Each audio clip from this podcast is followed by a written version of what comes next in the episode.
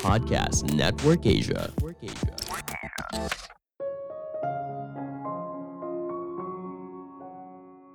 Jika kamu tidak puas dengan hidup yang kamu jalani sekarang, kamu berhak mendesain ulang hidup yang kamu jalani. Halo semuanya, nama saya Michael. Selamat datang di podcast saya, Sikutu Buku. Kali ini saya akan bahas buku Designing Your Life karya Bill Burnett dan Dave Evans. Sebagai informasi, podcast Sekutu Buku sekarang bergabung dengan Podcast Network Asia dan Podmetrics loh. Sebelum kita mulai, buat kalian yang mau support podcast ini agar terus berkarya, caranya gampang banget. Kalian cukup klik follow. Dukungan kalian membantu banget supaya kita bisa rutin posting dan bersama-sama belajar di podcast ini. Buku ini membahas kalau kita bisa membentuk hidup sesuai dengan apa yang kita inginkan. Tidak semua orang puas atas hidup yang mereka jalani. Apalagi ketika mereka sudah menyelesaikan pendidikan dan masuk dunia kerja, mereka baru sadar kalau pilihan jurusan saat mereka kuliah ternyata tidak sesuai dengan apa yang mereka inginkan. Jangan berkecil hati, bukan hanya kamu seorang yang mengalaminya.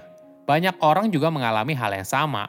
Namun, tidak semua orang bersedia untuk berpikir ulang atas situasi yang mereka hadapi sekarang dan mulai mendesain ulang hidup mereka untuk masa depan yang lebih baik. Saya merangkumnya menjadi tiga hal penting dari buku ini. Pertama, menciptakan hidup yang lebih baik. Apakah kamu bahagia dan puas atas hidup yang kamu jalani sekarang? Jika iya, maka selamat. Banyak orang justru merasa tidak puas. Sebagai contoh, banyak yang merasa mereka salah memilih karir. Dalam sebuah jajak pendapat pekerja di Amerika Serikat, dua per tiga responden menyatakan ketidakpuasan dengan pekerjaan mereka. Beberapa dari mereka mengatakan kalau mereka merasa terjebak karena ijazah mereka berada di bidang yang tidak mereka sukai. Jika sudah begitu, maka yang kita butuhkan adalah cara baru untuk merancang hidup demi memenuhi kebutuhan dan keinginan kita. Pada dasarnya, hidup adalah tentang pertumbuhan dan perubahan. Hidup tidak statis, namun bergerak dinamis. Hidup bukan soal tujuan, hidup juga bukan tentang menjawab pertanyaan besar dan kemudian semuanya selesai. Kamu tidak akan pernah tahu hidup akan seperti apa, kamu juga tidak pernah tahu gambaran lengkap di mana kamu berada atau ke mana dirimu di masa depan. Inilah keindahan dari hidup dan membuatnya sangat menyenangkan. Coba bayangkan, apabila kamu sudah tahu hidup kamu seperti apa di masa depan, tentunya hidup jadi tidak menarik lagi untuk dijalani. Kamu berhak untuk menentukan hidup apa yang kamu inginkan dan menjalani apa yang penting bagi dirimu sendiri. Langkah awal untuk mendesain ulang hidupmu adalah mengetahui di mana kamu berada Hal ini ibaratnya kamu ingin mengunjungi sebuah tempat. Kamu tidak hanya butuh tujuan dan peta, tapi kamu juga harus tahu kamu ada di mana. Ada empat area yang penting yaitu health, work, play, dan love. Health berisi tentang kesehatan fisik, emosional, dan juga mental. Work berisi pekerjaan yang dibayar atau kegiatan yang kamu lakukan dengan sukarela. Play berisi aktivitas yang kamu lakukan untuk bersenang-senang Terakhir adalah love, berisi hubungan kamu dengan orang yang kamu cintai, misalnya pasangan, orang tua, anak, teman, dan mungkin juga hewan peliharaan. Tujuan utamanya adalah mencari keseimbangan antara empat area penting ini. Tentu saja, setiap orang punya prioritas keseimbangan yang berbeda. Mungkin bagi orang yang masih berusia muda, mereka memberikan poin lebih penting pada play. Sedangkan pada orang yang berusia lanjut, mereka memberikan poin lebih penting pada health. Namun, empat hal ini penting bagi dirimu sendiri. Ingat istilah work hard, play hard. Ini adalah tentang keseimbangan. Jika kamu sudah melakukan penilaian di mana kamu sekarang, maka kamu perlu memiliki mindset seperti pemula. Ini merupakan perspektif yang bagus untuk dimiliki setiap kali kamu menghadapi keputusan yang mengubah hidup, seperti karir mana yang harus dipilih. Hal ini akan membantu kamu menemukan arah yang benar.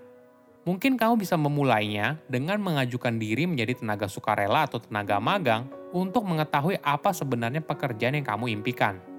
Metode ini akan mengurangi resiko kamu menyesali pilihan tersebut di kemudian hari.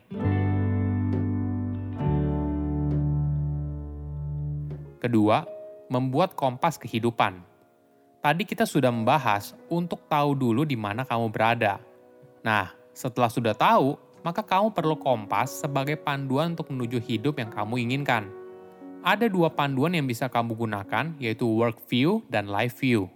Workview merupakan filosofi kamu tentang pekerjaan dan apa artinya bagi dirimu. Setiap orang memiliki definisi mereka sendiri tentang apa yang dimaksud dengan pekerjaan yang baik dan seberapa penting uang dan dampak sosial terhadap kepuasan kerja. Kamu mungkin berpikir, kalau pekerjaan yang baik artinya kamu menghasilkan uang yang cukup untuk membayar tagihan dan foya-foya di akhir pekan. Sedangkan, life view merupakan filosofi kamu tentang kehidupan. Hal ini berarti perspektif dan nilai diri bagaimana hidup seharusnya dijalani. Misalnya, apa yang kamu anggap baik dan buruk? Apa makna dari hidup? Apa yang membuat hidup seseorang bernilai? Kuncinya adalah menemukan keseimbangan antara work view dan life view. Karena tanpa adanya hal tersebut, maka kamu mungkin saja merasa tidak bahagia, cepat atau lambat.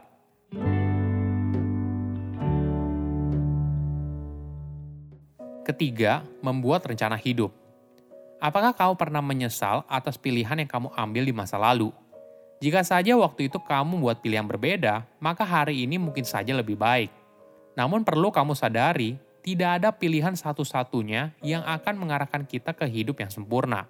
Dalam hidup, kita pasti akan dihadapkan oleh banyak pilihan. Itulah kenapa kamu perlu mendesain hidupmu dan membuat skenario dari beberapa hidup yang mungkin kamu jalani di masa depan. Ada contoh yang menarik. Chung merupakan mahasiswa yang sudah lulus dari universitas. Saat itu, dirinya mendapat tawaran magang dari empat perusahaan yang berbeda. Tiga di antaranya merupakan perusahaan yang memang sudah diincar oleh Chung. Namun sebenarnya, dirinya tidak pernah menyangka tiga pilihan ini ada di depan matanya. Di awal, Chung merasa tekanan yang besar untuk memilih jalan terbaik. Tentu saja hal ini pasti akan berpengaruh besar pada karir dan hidupnya di masa depan. Namun, Chung tiba-tiba sadar tidak ada yang melarang dia untuk menjalani semua tawaran tersebut satu persatu, dan itulah yang dia lakukan. Ketika dirinya mulai menjalani magang di perusahaan pertama, Chung sempat bercerita hal tersebut dengan temannya. Dari diskusi tersebut, dia baru sadar kalau dirinya punya dorongan untuk membantu orang lain dalam pilihan karir yang akan mereka ambil. Pada akhirnya, Chung memutuskan untuk tidak melanjutkan magang lagi di perusahaan lain dan melanjutkan studi tentang konseling karir di program pasca sarjana. Itulah indahnya sebuah kehidupan. Kita tidak tahu ke mana kita akan berada di masa depan. Oleh karena itu, Bill menyarankan kita untuk membuat skenario dari tiga jalan yang akan kita tempuh di masa depan. Jangan kategorikan pilihan tersebut dari yang terbaik hingga yang terburuk, melainkan kamu harus bersedia membuka pikiran dan melihat tiga jalan tersebut sama pentingnya dan mungkin untuk kamu jalani di masa depan. Rencana pertama seharusnya berisi hal yang sudah kamu lakukan, pada dasarnya, bayangkan hidupmu akan seperti apa di masa depan, atau jika kamu butuh perubahan, pertimbangkan rencana lain dan buat hal tersebut sebagai prioritas tujuan hidup. Rencana kedua seharusnya berisi hal apa saja yang kamu lakukan jika tujuan hidup pertama kamu tiba-tiba menghilang. Ini adalah rencana darurat kamu jika misalnya kamu tiba-tiba berhenti menghasilkan uang dari tujuan hidup pertamamu Terakhir adalah rencana ketiga yang seharusnya dikaitkan dengan hal apa yang kamu lakukan ketika uang dan penilaian orang lain tidak lagi relevan. Kamu melakukan hal tersebut ya karena kamu memang menyukainya. Kamu berhak menentukan hidupmu ingin seperti apa. Cari tahu dulu di mana kamu berada, apa yang menurutmu penting dalam hidup, dan jangan takut untuk berubah. Saya undur diri, jangan lupa follow podcast Sikutu Buku. Bye-bye. Pandangan dan opini yang disampaikan oleh kreator podcast, host, dan tamu tidak mencerminkan kebijakan resmi dan bagian dari podcast Network Asia. Setiap konten yang disampaikan mereka di dalam podcast adalah opini mereka sendiri dan tidak bermaksud untuk merugikan agama, grup etnik, perkumpulan, organisasi, perusahaan, perorangan, atau siapa pun dan apa pun.